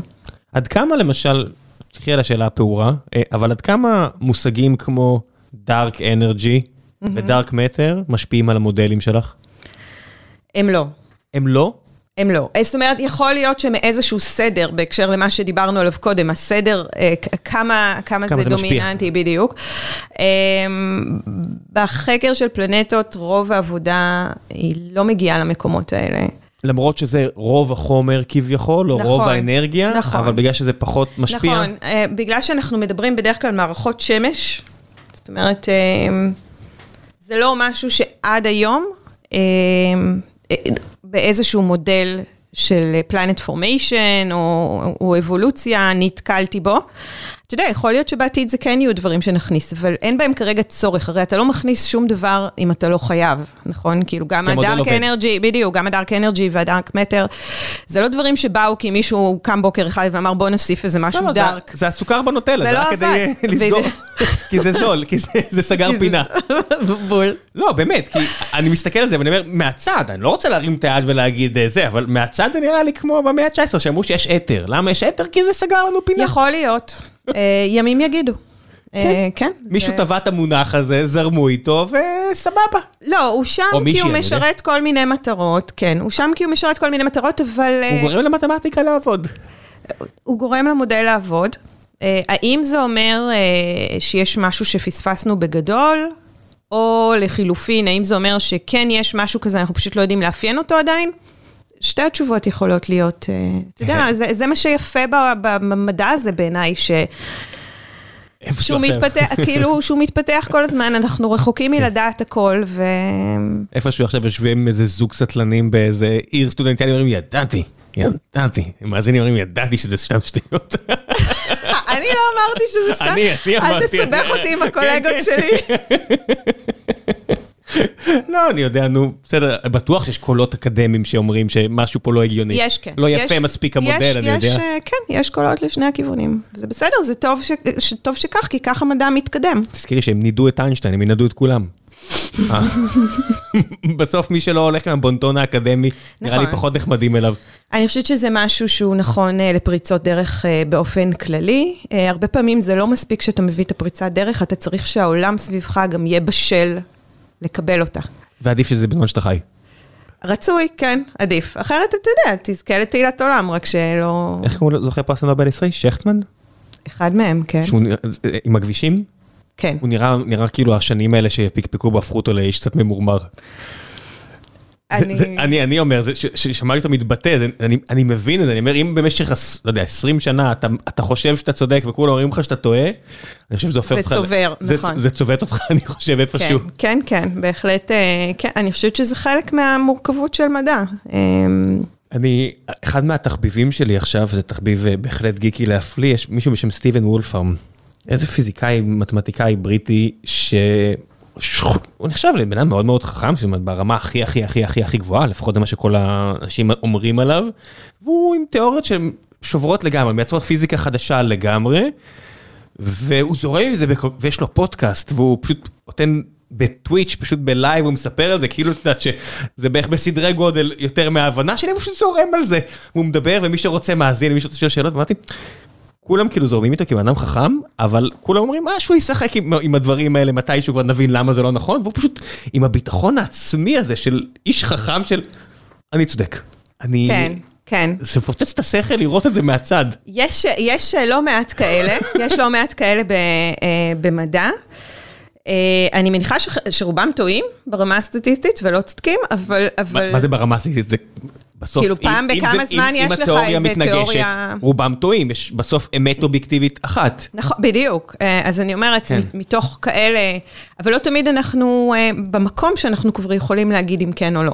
לא, אז אני- כאילו הם נהנים מה- מהספק. מה היה, אם, אם יש ש- שאלה אחת שהיית נורא רוצה לראות תשובה עליה אה, בחייך שזה לא חוצנים, זאת אומרת לא חיים מחוץ לכדור הארץ, כי זה מרגיש לי, את יודעת, שזו שאלה שהתשובה שלה היא הרבה שאלות בדרך. מה היית רוצה להספיק לדעת? planet formation in action, כאילו לראות, אה, אני חושבת שאנחנו קרובים לשם. מבחינת? אה, תצפיות, אנחנו קרובים למקום שבו אנחנו ממש רואים את הפלנטות נוצרות בתוך הדיסקות. מה זה אומר? מה זה אומר אנחנו קרובים? מה, נתפוס במזל זאת אומרת, את ה... אה, לא, יש היום אה, טלסקופ אה, שנקרא אלמה, אה, שצופה, ב, זאת אומרת, הוא מיועד לצפות בהיווצרות של כוכבים והיווצרות, ובדיסקות סביבם. ובוא נגיד, עשור האחרון, אולי קצת פחות מעשור, מה זה אומר מיועד לכך? מה מיוחד ברגע? יש פחות אור? יש יותר הוא, אור? הוא בנוי ככה, שיש לו משהו שמסתיר את הכוכב, ואורכי הגל שלו הם כאלה שיכולים לראות קצת עמוק בתוך, בתוך הגז של הדיסקות, והרזולוציה שלו היא חסרת אה, תקדים לעומת כל מה שהיה קודם. אז למה הוא מקבל פחות... והוא מתחיל לאסוף אה, קטלוגים של... למה הוא מקבל פחות... אה, פבליסיטי מווב? קודם כל, כי נאסא אלופי העולם ב... אה, זה לא של נאסא? בלעשות uh, תקשורת. זה, זה, זה, זה כאילו של... Um, זה, זה, זה כאילו של uh, uh, קהילה בינלאומית, איך לקרוא לזה? מין... Um, um, קונסורציום. כן, קונסורציום uh, uh, בינלאומי, זה יושב במדבריות בצ'ילה, זה לא בחלל, זה טלסקופ על פני כדור הארץ. מקום נורא חשוך, אני מניח, בלי זיהום מדבר, אור. מדבר, כן. כן. מדבר, ואנחנו מקבלים ממנו עשרות, אם לא, אולי אפילו כבר מאות היום, אה, תמונות של דיסקות, דיסקות צעירות, הבתי גידול האלה של אה, איך יודעים לאיפה לכוון את זה? זאת אומרת, מה אנחנו יודעים מכאן, איפה אנחנו יודעים מה שזה- שזה דיסקה? כוכב צעיר, אתה מסתכל מה קורה סביבו, אם הוא צעיר מספיק, הדיסקה עוד שם. זאת אומרת, כי עדיין לא הכל, לא כל האבק הזה והגז אותה. הפך להיות כוכבים ופלנטות ו... עוד לא הפך להיות פלנטות, כן, הדיסקה עוד לא נעלמה. אומרת, אה, וזה בגלקסיה במיליוני שלנו? השנים הראשונות, כן. ש- שזה הגבלה, כן? זה, זה חוקי המשחק מגבילים. תראה. נכון לכרגע לא התגלתה שום פלנטה מחוץ לגלקסיה שלנו. זה אפשרי? זה לא נורא היה- רחוק? זהו, זה נורא רחוק. אתה יודע, גם בגלקסיה שלנו זה חצי נס שזה קורה. אה, הליקוי הקטנטן הזה, או איזו תנועה פיצית של הכוכב שמושפעת מפלנטה שיושבת כמה שם. רחוק נגיד אלפא סנטורי, שזו הפלנטה הראשונה שהתגלתה, נכון? הפלנטה הראשונה שהתגלתה היא אה, אה, מחוץ ל... כאילו, מחוץ... 51 פג, היא משהו כמו 50 שנות אור מפה. אוקיי, אז זה כבר לא בחיים שלי. אם אנחנו יוצאים היום, אנחנו, ואנחנו במהירות אה, האור... זה מה שניסית לחשב? לא, אני יודע, כמה קרוב, זה, אני, את יודעת, אני בסוף, חיי, אה, אני מסתכל עליי, אני מסתכל על הילד, אני יודע מה, זהו, אין, אין לנו אז, הרבה... אז, אז מה- מה שכן יהיה ב, אמ, בתוך מערכת השמש, כן תהיה משימה כנראה לאורנוס, זה משהו שאושר בחודשים האחרונים. אורנוס זה סילאי או גזי? אורנוס זה סופר מעניין, כי זה בדיוק באמצע. זה משהו, זה 15 מסות ארץ בערך. שתאכל פלאפל מאוחר מדי, מה זה בדיוק באמצע? 15 מסות אר- ארץ בערך, שמתוכם משהו כמו 13 הם חומרים כבדים, גזים, אה, סליחה, הם, אה, סלעים, כרכים וכאלה, ושניים, שתיים, שלוש מסות ארץ אה, של גזים, מימן והליום. מה? למה אני אומרת שזה בדיוק באמצע? כי זאת פלנטה שכמעט הגיעה לגבול, שכשחוצים אותו עוברים להיות ענק גזים, כמו אה, צדק. רגע, נגיד. בלב צדק אין- יש סלע? כן. אה, אוקיי, זה לא רק גז. לא, לא, לא. משהו מחזיק שמה, אותו? אה, כאילו במודלים שאנחנו עשינו, פרסמנו לפני כמה שנים, יש סדר גודל של 40 מסות ארץ של חומרים כבדים בצדק, אה, יש הרבה כדור מתוך הארץ שם. ה-300 ומשהו אה, גז. ואיך זה מרגיש להיות שם למטה? לא כיף. אני לא, לא הייתי מנסה. נראה לי שעוד הרבה לפני שאתה מגיע למטה אתה total loss. כי חם מדי? כי גזי מדי? כי חם מדי, כי הלחץ מטורף, כי השדה המגנטי חזק, וכי הגז החמוד שעוטף אותך זה מימן שהוא לא הכי friendly למין האנושי. לא, אז בסדר, אז ברור שלא אסטרונאוט לשלוח לשם, אבל מה, זה, זה יכול להיות אה, גשושית? שלחו גשושית ב- כן. ב- בגלילאו, אה, במשימה הקודמת לצדק שלחו גשושית, אבל היא לא הספיקה לעשות הרבה פנימה. מה, מה קורה? דברים אחרים יכולים להתפרק? לחץ, שדה מגנטי, חום, אה, קרינה. אה, לא, אני, זה לא אני מחזיק. מתעסק עם בעיות כל כך הרבה פחות מורכבות הנדסית, באיזה של... עד כמה זה משדר אחורה? באיזה שלב זה כבר הפסיק לשדר אחורה? אה, יחסית מהר, לא? כן, כן, אוקיי. כן, הוא ממש גירד את הלמעלה של האטמוספירה, אם אתה done. מסתכל, וזהו, וזה, ונגמר הסיפור. עכשיו, מה שעשו במשימה, עכשיו יש משימה בצדק, עכשיו יש משימה בצדק אה, שנקראת ג'ונו, אה, שמה שולחים לייזר, שככה, אתה יודע, בודקים עד איפה הוא חודר, ובאמצעות זה קצת אה, מגלים את התנאים ואת החומרים, ולא שלחו הפעם אה, גשושית. anyway, למה דיברנו על? המשימה לאורנוס? אה, איך קוראים אורנוס בעברית? אני לא יודעת, נתנו להם שמות לפני שנתיים. אה, יש, נכון, אני לא ממציא, כן, נכון? נתנו להם לפני איזה שנתיים שמות. פרסמים של האקדמיה לא העברית זה תמיד... לי. אה, לא נעים לי, כי אני חוקרת את כן. אורנוס, ואני לא יודעת איך... אה, כן. בסדר, אני, בתחום שלי, אני לא יודע הרבה מהמילים העבריות שקשורות לתחום שלי, ואני מקבל על זה הרבה ביקורת מקרב המאזינים. שחצי הבנתי. מהדברים זה באנגלית. אז... אה, אבל לא, אצלך זה לא אנגלית, אצלך זה פשוט המילה הקלאסית. נכון, זאת המילה הקלאסית, כי כן. לא הייתה מילה אחרת. בכל אופן, אה, השנה אה, נאס"א החליטה שזאת אה, כנראה הולכת להיות משימה. זה עוד בשלבי מחקר מקדים לקראת, שרק מתחיל עכשיו, זאת אומרת, רק השנה הבאה, 2023, יתחיל המחקר המקדים. צפי של המשימה הזאת לצאת במשהו כמו 2035, להגיע לאורנוס במשהו כמו 2045. אה, רכבת הקלה כבר תהיה מוכנה. יופי, כן. אז אם דיברנו על, על דברים שיכולים להיות מאוד מלהיבים, מה יגיע? תקופת החיים שלנו. גשושית? כן, יגיע משהו, אורביטר, אה, כנראה שיזרקו גם משהו פנימה, אבל זה יסתובב מסביב, זה ייתן לנו המון מידע. מה מה יכול להיות שם שיפוצץ לנו את השכל? תראה, אני מסתכלת על צדק והמשימה האחרונה, ג'ונו, שעדיין אה, אה, פעילה. היא, היא, עשתה לנו שינוי גדול מאוד בתפיסה לגבי המבנה הפנימי של כוכב הלכת. היא וזה אוספת את שדה הגרביטציה. שלה. וזה עוד אחד וזה אצלנו. אצלנו, כן, אבל אצלנו הזה הוא נורא חשוב. אני חושבת שכל הנושא של חקר מערכת השמש וחקר של פלנטות רחוקות חייב ללכת ביחד. כי במערכת השמש יש לנו סמפל נורא קטן, אבל יש לנו הרבה יותר דיטיילס, אנחנו שולחים גשושית, היא בודקת את השדה הגרביטציוני, היא יודעת להגיד לנו, לרמוז לנו על המבנה הפנימי, על ההתפלגות של החומרים בפנים. למשל, בצדק אנחנו יודעים היום להגיד שאין שם גבולות ברורים, עד פה זה הסלע ומפה זה הגז, אלא יש משהו נורא הדרגתי כזה של מעבר. מה? אה, של חומרים, כן. מה זה אומר? ולגמרי, אני יכולה לדבר על זה שעתיים, כי זה לא, רגע, אז תדברי על זה חמש דקות. מה זה אומר? בפועל, מה זה, מה- איך אני אחווה את זה כבן אדם? נניח ואני שמה ואני יכול... קודם כל, אתה לא תגיע כזה לא, עמוק. בוודאי ש- אין לך שום סיכוי להגיע כזה עמוק. נניח ואני שם. עכשיו אתה... אני באיזה כן. בועה ששומרת עליי, מה אני רואה? אתה רואה אה, שבאיזשהו שלב הגז מתחיל להיות גז שמועשר בהרבה מאוד עדים של סיליקטים ושל אה, חומרים כבדים, וככל שאתה נכנס פנימה, כמות החומרים הכבדים עולה וכמות הגז יורדת, באופן הדרגתי. יותר ויותר סלע באוויר שלך. זה נראה כמו. נטיפים כאלה? מדמיינת כשזה נטיפים? מתקרר, אוי, זה מחקר שאני ממש עכשיו עובדת עליו, הוא עוד לא פורסם, אנחנו כאילו כרגע כותבים ספוילר. אותו, ספוילר, שפלנטות הרבה יותר קטנות מצדק, משהו כמו כמה פעמים כדור הארץ, שם אנחנו ממש צופים גשם של סלעים, ברגע שהפלנטה מתחילה להתקרר. היא נוצרת עם טמפרטורות כל כך גבוהות, שרוב הסלע נמצא במצב גזי, מעורבב עם, עם המימן וההליום. מה? וכשזה מתחיל להתקרר, יש גשם של סלע, שנופל מה מחזיק אותו ומגדל באוויר לפני ליבה. שהוא נופל? העובדה שהוא במצב גז, והסטורציה, היכולת של האוויר לספוג את, ה, את הכמות הזאת של הסלע. כן, אבל נניח שהחל מכמה גרגירים בדיוק של אה. סיליקט, של חול, שמתגבש, ועכשיו נהיה איזשהו גוש של משהו. אז הוא נופל. הוא מיד נופל, לא? כן. אוקיי, אין משהו שיחזיק אותו. אבל לפני, זה, לפני שהוא מגובש, זאת אומרת, זה כמו אדי מים באוויר. יש איזו כמות מסוימת שהאוויר מסוגל, יש כרגע לחות באוויר. נכון, יש, יש מספיק נוזל שהוא לא גז באוויר, נכון. אבל הוא בכמויות מיקרוסקופיות, שמתישהו שזה יהיה מספיק, בדיוק, זה יהיה טל. תקרר, כן, תקרר, הוא ייפול.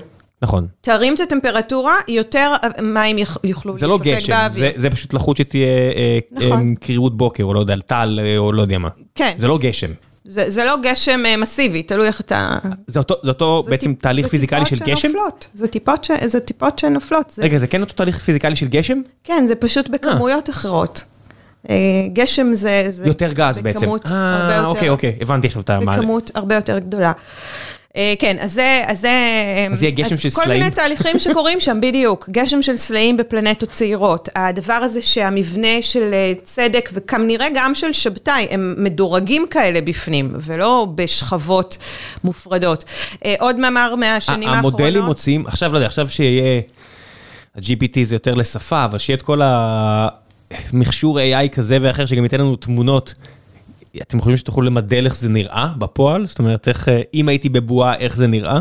אני כבר יודעת להגיד איך זה נראה. אמ, אני פחות אה, משקיעה בסימולציות אמ, בראש שלך יש תמונה? גרפיות לגמרי. את יכולה לספר לי איך זה נראה? לגמרי. איך אני יכולה לספר את זה? כמו מה זה בכדור הארץ? יש משהו דומה לזה בכדור הארץ? כלום? לא. אני חושבת שאחת הבעיות שלנו כשאנחנו באים לחקור עולמות רחוקים, זה שאנחנו הרבה פעמים, בלי מודע, עושים copy-paste של כדור הארץ. ככה אני מרגיש ביפן. אני, אני אומר, הם מחייכים כי הם נחמדים אליי. יפה. כן. אמ, אנחנו לוקחים את מה שאנחנו מכירים פה ופשוט עושים את זה בסקלות גדולות יותר, או אתה יודע. וזה לא נכון. בשביל באמת להבין עולמות רחוקים, אנחנו צריכים להתנתק מה, מהדברים שנראים לנו פה הדיפולט, ולפתוח את הראש לאופציות אחרות. אה, ולכן את אומרת שגם חיים יכולים להיות באיזושהי צורה אחרת. כן. זה פשוט סביבה כל כך אלימה. איך אה, חיים, חיים זה דבר לא, אלים. יכול להיות שהם צריכים סביבה כמו שלנו, אבל אני חושבת שסביבה כמו שלנו היא לא כל כך נדירה. היא לא נדירה. לא, לדעתי, אם אתה מסתכל על כמות הכוכבים, כמות הגלקסיות, אה, גם מה זה סביבה כמו שלנו? זה כרגע כדור הארץ הוא נחמד לנו. כרגע. נכון. אני לא יודע אם... אנחנו, מה זה, אנחנו יודעים שלפני מיליארדי שנים זה לא היה נחמד, עוד מיליארדי שנים זה, זה לא גם יהיה לא נחמד. בסדר. מצאנו איזה חלון זמן, אבל שזה נחמד תמיד, לנו. הכל הוא בחלון זמן. גם שמש, כאילו, יש לה בסוף אה, פג תוקף. פג תוקף, כן. בדיוק. הכל הוא בחלון זמן. השאלה היא מה גודל חלון הזמן הזה. ואם הוא גדול מספיק, פה זה הרבה זמן. אה, מה? מיליארדי שנים שנעים פה. כן, נכון, מיליארדי שנים שנעים פה, אבל יש עוד שמשות שיכולות להיות מיליארדי שנים. אה, שאנחנו יודעים עליהם כבר? כן, בטח, יש המון שמשות כמו השמש שלנו, היא לא אומרת, משהו מועמדים- מיוחד. יש קצת מועמדים ל-? לקיום פלנטות, אנחנו קוראים להם habitable planets, כאילו פלנטות שהם, הם, יש פוטנציאל ל, לחיים, מבחינת הטמפרטורה, מבחינת הגודל, אה, קיום מים, זה משהו שבודקים אותו עכשיו עם ה detection של אטמוספירות, אפשר קצת לגלות אם יש מים או אין מה. שולחים להם? 3.1411592 כאלה? אני, תראו, אנחנו חכמים, תראו. כן, איזה כדור. יופי. מצאנו כדור. יש, אז- טוב, זה, באמת, אבל אני מניח שכן יש שידורים לכיוונים האלה, נכון? זה, זה שני uh, תחומים נפרדים לחלוטין. יש את החבר'ה של סטי, ויש את החבר'ה שמחפשים סיגנלים ממקומות אחרים, ולעומת זאת מחפשים uh, לשלוח מסרים למקומות אחרים, ויש את החבר'ה שמחפשים uh, פלנטות. זה, זה לא... יש לנו הרבה שאלות מהקהל, הם לא שמעו את הפרק, הם, זה, אמרתי אתמול אה, מהאורחת שתגיע, לא, לא נוכל להגיע להרבה שאלות, אבל אני רוצה אה, שנגיע לפחות לחלק. וניר אה, מגנזי שואל, אה, where are the aliens? Mm, שזה אם רצית לדבר על פרמי וכאלה. מה שהוא שואל, נכון, הוא, הוא בעצ, זה בעצם פרדוקס פרמי, שכבר בשנות ה-50 בא עם הסיפור הזה ואמר, רגע, יש כל כך הרבה, כמו שאמרנו, כל כך הרבה פלנטות, כל כך הרבה כוכבים, כל כך הרבה הסתברות, אז איפה הם? כאילו, למה אנחנו לא רואים אותם? שאלה... לגיטימית? לגיטימית. איש חכם. לחלוטין, נכון. כן, ארוחת צהריים, מה משעמם לו? פרמי היה איש חכם, באופן כללי באמת אחד המוערכים, ואז נשאלת השאלה איפה הם. אה, והוצאו המון אה, תשובות לשאלה הזאת. אין לנו, אני חייבת לציין, אין לנו אה, תשובה אחת. אבל הוצאו המון תשובות לדבר הזה. אחד מהם זה, אני חושבת שעל חלקם דיברנו.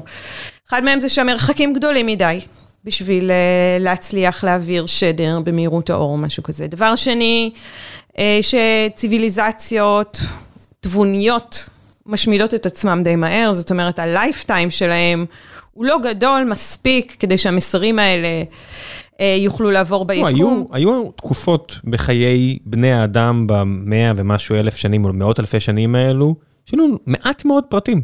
זאת אומרת שבכל נכון. כדור הארץ היו כמה מאות נכון, בני אדם סטו. נכון. זאת אומרת, אם אותם מאות היו לא מסתדרים ביניהם, או משהו היה קורה להם, איזה וירוס היה בא להם לא טוב. אז נגמר הסיפור. נגמר. נכון. אז, אז, אז, אז... אה, וכל השאלות האלה לא נשאלות. או שכן או שלא, אולי היה משהו אחר, אבל... כן, אבל, אבל גם, אם אתה מסתכל על יכולת התקשורת שלנו לחלל, אנחנו מדברים על משהו כמו 100 שנה. 100 שנה במושגים של מיליארדי שנים. כן. זה כלום. אז כאילו מה, אז נשאלת השאלה יכול להיות, מה ההסתברות שבדיוק המאה שנה שלנו התלכדו עם המאה שנה כן, שלה. אבל אתה הלכת רחוק, אני אומר, אה, בסוף יש פה אצות וכל מיני כאלה ששינו את האטמוספירה. נכון. והפכו לירוק יותר, ו- ושינו את נדע- ההרכב הגזי. זאת אומרת, יש פה חיים, לא, הם לא צריכים להיות תבונותיים כדי לשנות, כדי להעביר מסר. כדי שאנחנו נראה. לא להעביר מסר, כדי שנזהה אותם. כדי שאנחנו נראה, כן. בדיוק, כן. אז, אז אלה הדברים שאנחנו מחפשים היום, כשמדברים על חיפוש חיים, מדברים על שינויים אטמוספריים, למשל. אבל אתה יודע, מימן, באטמ... אה, סליחה, אה, אוקסיג'ן, אה, ח- חמצן באטמוספירה, זה משהו שיש גם בלי חיים. חמצן זה יסוד נפוץ בטבע. אז זה נורא מסובך לחשוב מה אתה מחפש, והאם בהכרח אם אתה מוצא חמצן זה אומר שיש לך. חיים, או שחמצן זה סתם כי מולקולות מים התפרקו והמימן אה, התאדה לחלל. בסדר, עצם הפוטוסינתזה, עצם הנס, הנס הלא יודע מה זה, שזה אשכרה קרה, זה לא אומר אני- שזה היחידי. אני חושבת שחיים הם אה, זה. כן, אתה יודע, יש גם בעניין הזה אה, שתי תיאוריות של... איך החיים הגיעו לכדור הארץ? וזאת גם שאלה שראויה להישאל במובן הזה של איפה כולם. האם מדובר במשהו שיובא לפה, או האם מדובר במשהו שנוצר פה באופן ספונטני? יש מאין, הנה, נכון. שרשראות RNA מתחברות להן בדיוק, ספונטני. המרק הקדום, אה, כל הסיפור של, אה, כן, גם התיאוריה רק, של רק למדל את זה, אם תראה איך, תראו איך יש מאין פתאום שרשראות DNA, RNA, זה די יהיה הישג, אני מניח. כן, כן. עובד- אני יודע שיש אנשים- על, אה, כן. נכון, עובדים על הדברים האלה. טוב, בוא נמשיך. אה, איך זה להיות אסטרופיזיקאית בזמן שמדובר בתחום עם דומיננטיות גברית? למה לא רואים יותר נשים באסטרופיזיקה? אה, כן, זאת שאלה שאני נשאלת הרבה פעמים. אני... הרבה פעמים. הרבה פעמים, אוקיי. כן. אכן יש... מה היחס? אם זה הרבה פעמים, אני מניח אתה, ש... תלוי איפה אתה סופר. אני חושבת שבפיזיקה, ובאיזה רמה של אם הקריירה אני אתה אקח סופר. צילום של אם אתה נאסא מסתכל כזה. על חברות סגל אה, אה, בפיזיקה בארץ, מדובר בפחות מעשרה אחוז. אה, ובעולם? לא בהולנד, הרבה ב- יותר טוב, לא הרבה יותר טוב, אבל אם אתה מסתכל על נאסא נגיד, שיש שם גם אה, הנדסות, ויש בשנים האחרונות אה, דגש על שילוב נשים, אז, אז האחוזים, אה, אז האחוזים אה, גבוהים יותר, עדיין לא, לא קרובים לשוויון. כל הנושא הזה של מגדר, אני לא, אני לא אה, חוקרת מגדר, אני לא מומחית, אבל אה, אני כן יכולה להגיד שאני חושבת שיש לנו תפקיד אה, בחברה לפעול הן מהצד של חינוך, זאת אומרת, יש עוד הרבה מה לעשות, הן מהצד של חינוך, ואני מדברת על חינוך מגיל צעיר. כי זה שאתה רואה הרבה פחות נשים ב, ב, בתחומים האלה, תמיד יש את השאלה, האם מדובר בהעדפה ביולוגית, לא יודעת, אה, משהו, או שמדובר ב... nature or nurture. בדיוק, בדיוק. בסוף זה בדיוק ככה, לזה. זה בדיוק זה. כן. לא יודעת להגיד. אה, אני לא- גם לא חושבת שחשוב, אני כן חושבת שאנחנו צריכים לעודד את מה ש... שיש לנו השפעה עליו, אה, ולפתוח יותר אפשרויות לנשים, כי הרבה פעמים המסרים, שזה לא תחום נשי, עוברים אה, בצורה לא מודעת אפילו. אה, מתוך איזושהי השקפת עולם, שמעתי את זה יותר מפעם אחת, שאני מתעסקת בתחום לא נשי. בין nature לנרד שאני אומר, בסדר, אז יכול להיות שבתקופה מסוימת היה הרבה מתמטיקאים בעולם הערבי, ולא היה מתמטיקאים ב... בעולם האירופאי, ובסדר, זה הסתדר, זה השתנה, ותראו, יצא טוב מזה. כן. אז אם היו מסתכלים לפני, לא יודע, בתקופת אבן גבירול, איפה כל המתמטיקאים, והיו אומרים שהם יותר בעולם הערבי, אז מישהו אומר, אה, הנוצרים האלה באירופה רק עסוקים ב... לריב אחד עם השני, ורובם לא יודעים קרוא וכתוב, אז כנראה שזה, שזה הטבע שלהם. כן, למשל, נכון. לפני, קר, לפני נכון. שרלמיין, רוב האירופאים היו די ברברים, לא ידעו קרוא וכתוב, אז זה הטבע שלהם, לא? כן, אז, אז אני... אה, והערבים היו מאוד אינטליגנטים ומאוד אה, המציאו נכון. אה, כל מיני דברים מגניבים, אז היו אומרים, הנה, זה טבעי. כן.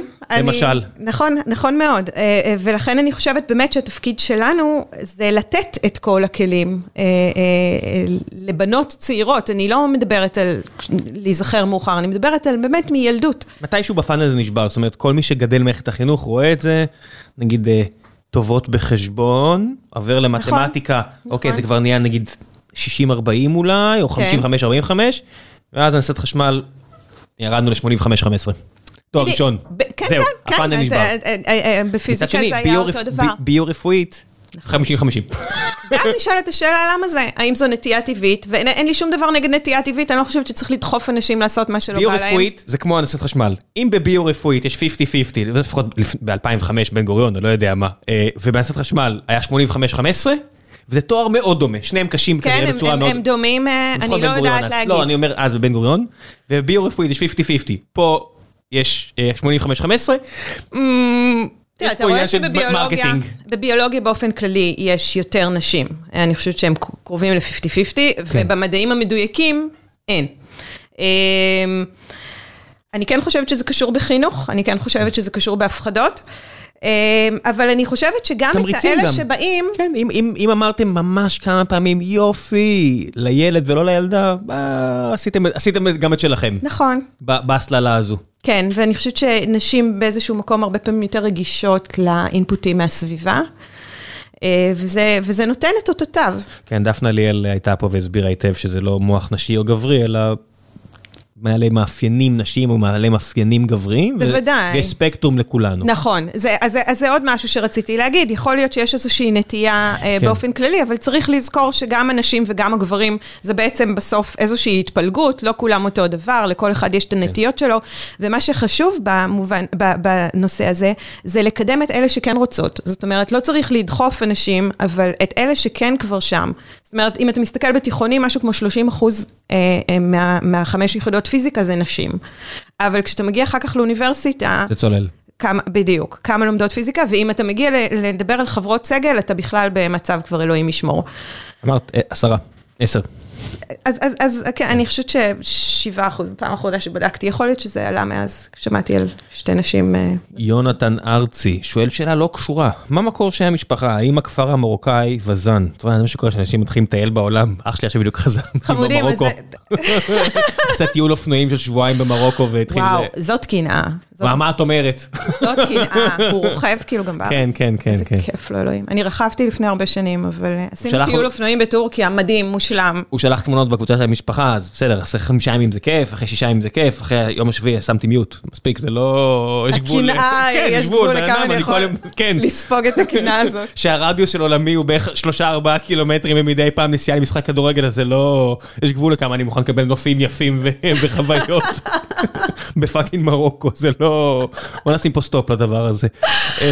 כן, אני מאוד, אני יכולה מאוד להבין. לא, זה לא קשור. אה, אמ, השם הוא ממוצא טוניסאי, כאילו המשפחה של אבא שלי.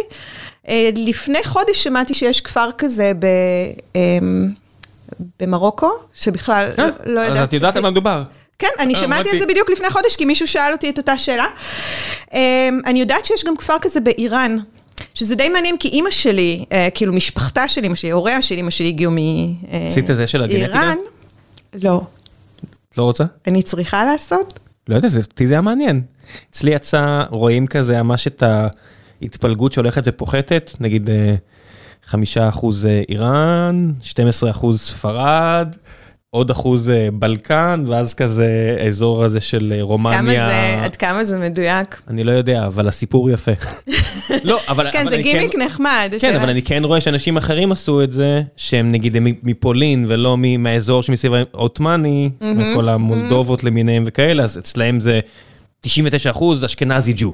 אוקיי. זאת אומרת, כן. כן יש פה כן, קורולציה בין כן. מה שהם יודעים לבין התוצאות. זאת אומרת, אני יכול לדמיין למה, לא יודע, המשפחה שלי חיה באזור הזה שהוא על האימפריה העות'מאנית, למה יש את המעבר הזה. כן, כן. זה לא איזה, זה לא כל כך הרבה שנים שאי אפשר לדמיין את זה. נכון. וההתפלגויות נשמעות הגיוני, אבל מאיפה אני יודע אם זה מדויק?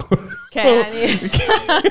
אולי אני צריכה לנסות את זה בשביל הקוריוז. כן, וגם תעזרי לחברת הביטוח שעובדת איתם, אני יודע, אין, לא, אני צוחק. נעשה שאלה אחרונה. אה, צחי כהן שואל, איפה יש את הסיכוי הטוב ביותר למצוא חיים במערכת השמש למעט כדור הארץ? אמ, אז הייתי אומרת שהמטרה כרגע זה הירחים של, אה, של צדק, יכול להיות גם הירחים של שבתאי, זה משהו שרק התחילו ככה לחשוב עליו בשנים האחרונות. אה, ואם אנחנו חושבים על הירחים של צדק אה, לחיים, אנחנו חושבים על חיים שהם הרבה פחות מפותחים מהחיים שיש לנו פה. אני מוכן לעדכן את הארץ עיר, אם נגלה שם וירוס, נעדכן את הארץ עיר ווירוס יהיה חי, בסדר? זה... בדיוק, כאילו יכול להיות שהם גם חיים מתחת לפני הקרקע, יש אה, מודלים. ירח הוא פחות יציב מפלנטה? לא, הוא פשוט יותר קטן. הוא בהכרח יותר קטן? זאת אומרת, לא יכול להיות כוכב פלנטה יכול להיות בגודל שהוא של... יהיה גדול. יכול להיות שהוא יהיה גדול. יכול להיות אחד כדור הארץ מסביב לפלנטה ממש גדולה? כן, אוקיי, אז כן. אז הכל יכול להיות. נכון, יכול להיות. אה, אבל עצם השאלה העובדה היא, יש, ש- יש כל מיני שאלות לגבי ירחים, האם זה ירח שנלכד, זאת אומרת, זו פלנטה שבעצם אה. סטתה מהמסלול שלה ואיכשהו נתפסה סביב הפלנטה הגדולה יותר, או שמדובר במשהו שנוצר שם, ירח כנראה נוצר סביבנו. כן. אה, כתוצאה מהתנגשות. אז אה, אה, לגבי השאלה שלו, כן, אני הייתי אומרת שהירחים הם, הם, אה, הם מקום עם איזשהו פוטנציאל. למי שלא מבין למה יש כל כך הרבה שאלות פתוחות, זה ברגע שזה יותר משני גופים, זה נהיה ממש מורכב. נכון, כן. המתמטיקה נהיית ממש קשה. ממש נכון, ממש נכון. ממש קשה. שני גופים, סבבה. כמו תיכון. אפשר להזניח מלא דברים, אתם רוצים לא להזניח, זה תואר ראשון, מעל לזה, נגמר. ממש קשה. כן, כן, וזה לא שהעולם נעצר בשלוש. בדיוק. כן, בדיוק. אז אנחנו עושים בכאילו שמספיק קרוב. יוריסטיקה. זה בדיוק ככה. כן. טוב, תודה רבה רבה רבה על הזמן שהקדשת לי. בבקשה. הגעת למרות התנועה ולמרות הכל, אני ממש מעריך את זה באמת. אה, כן, היה לי העונג, תודה רבה. עד הפעם הבאה. ביי ביי.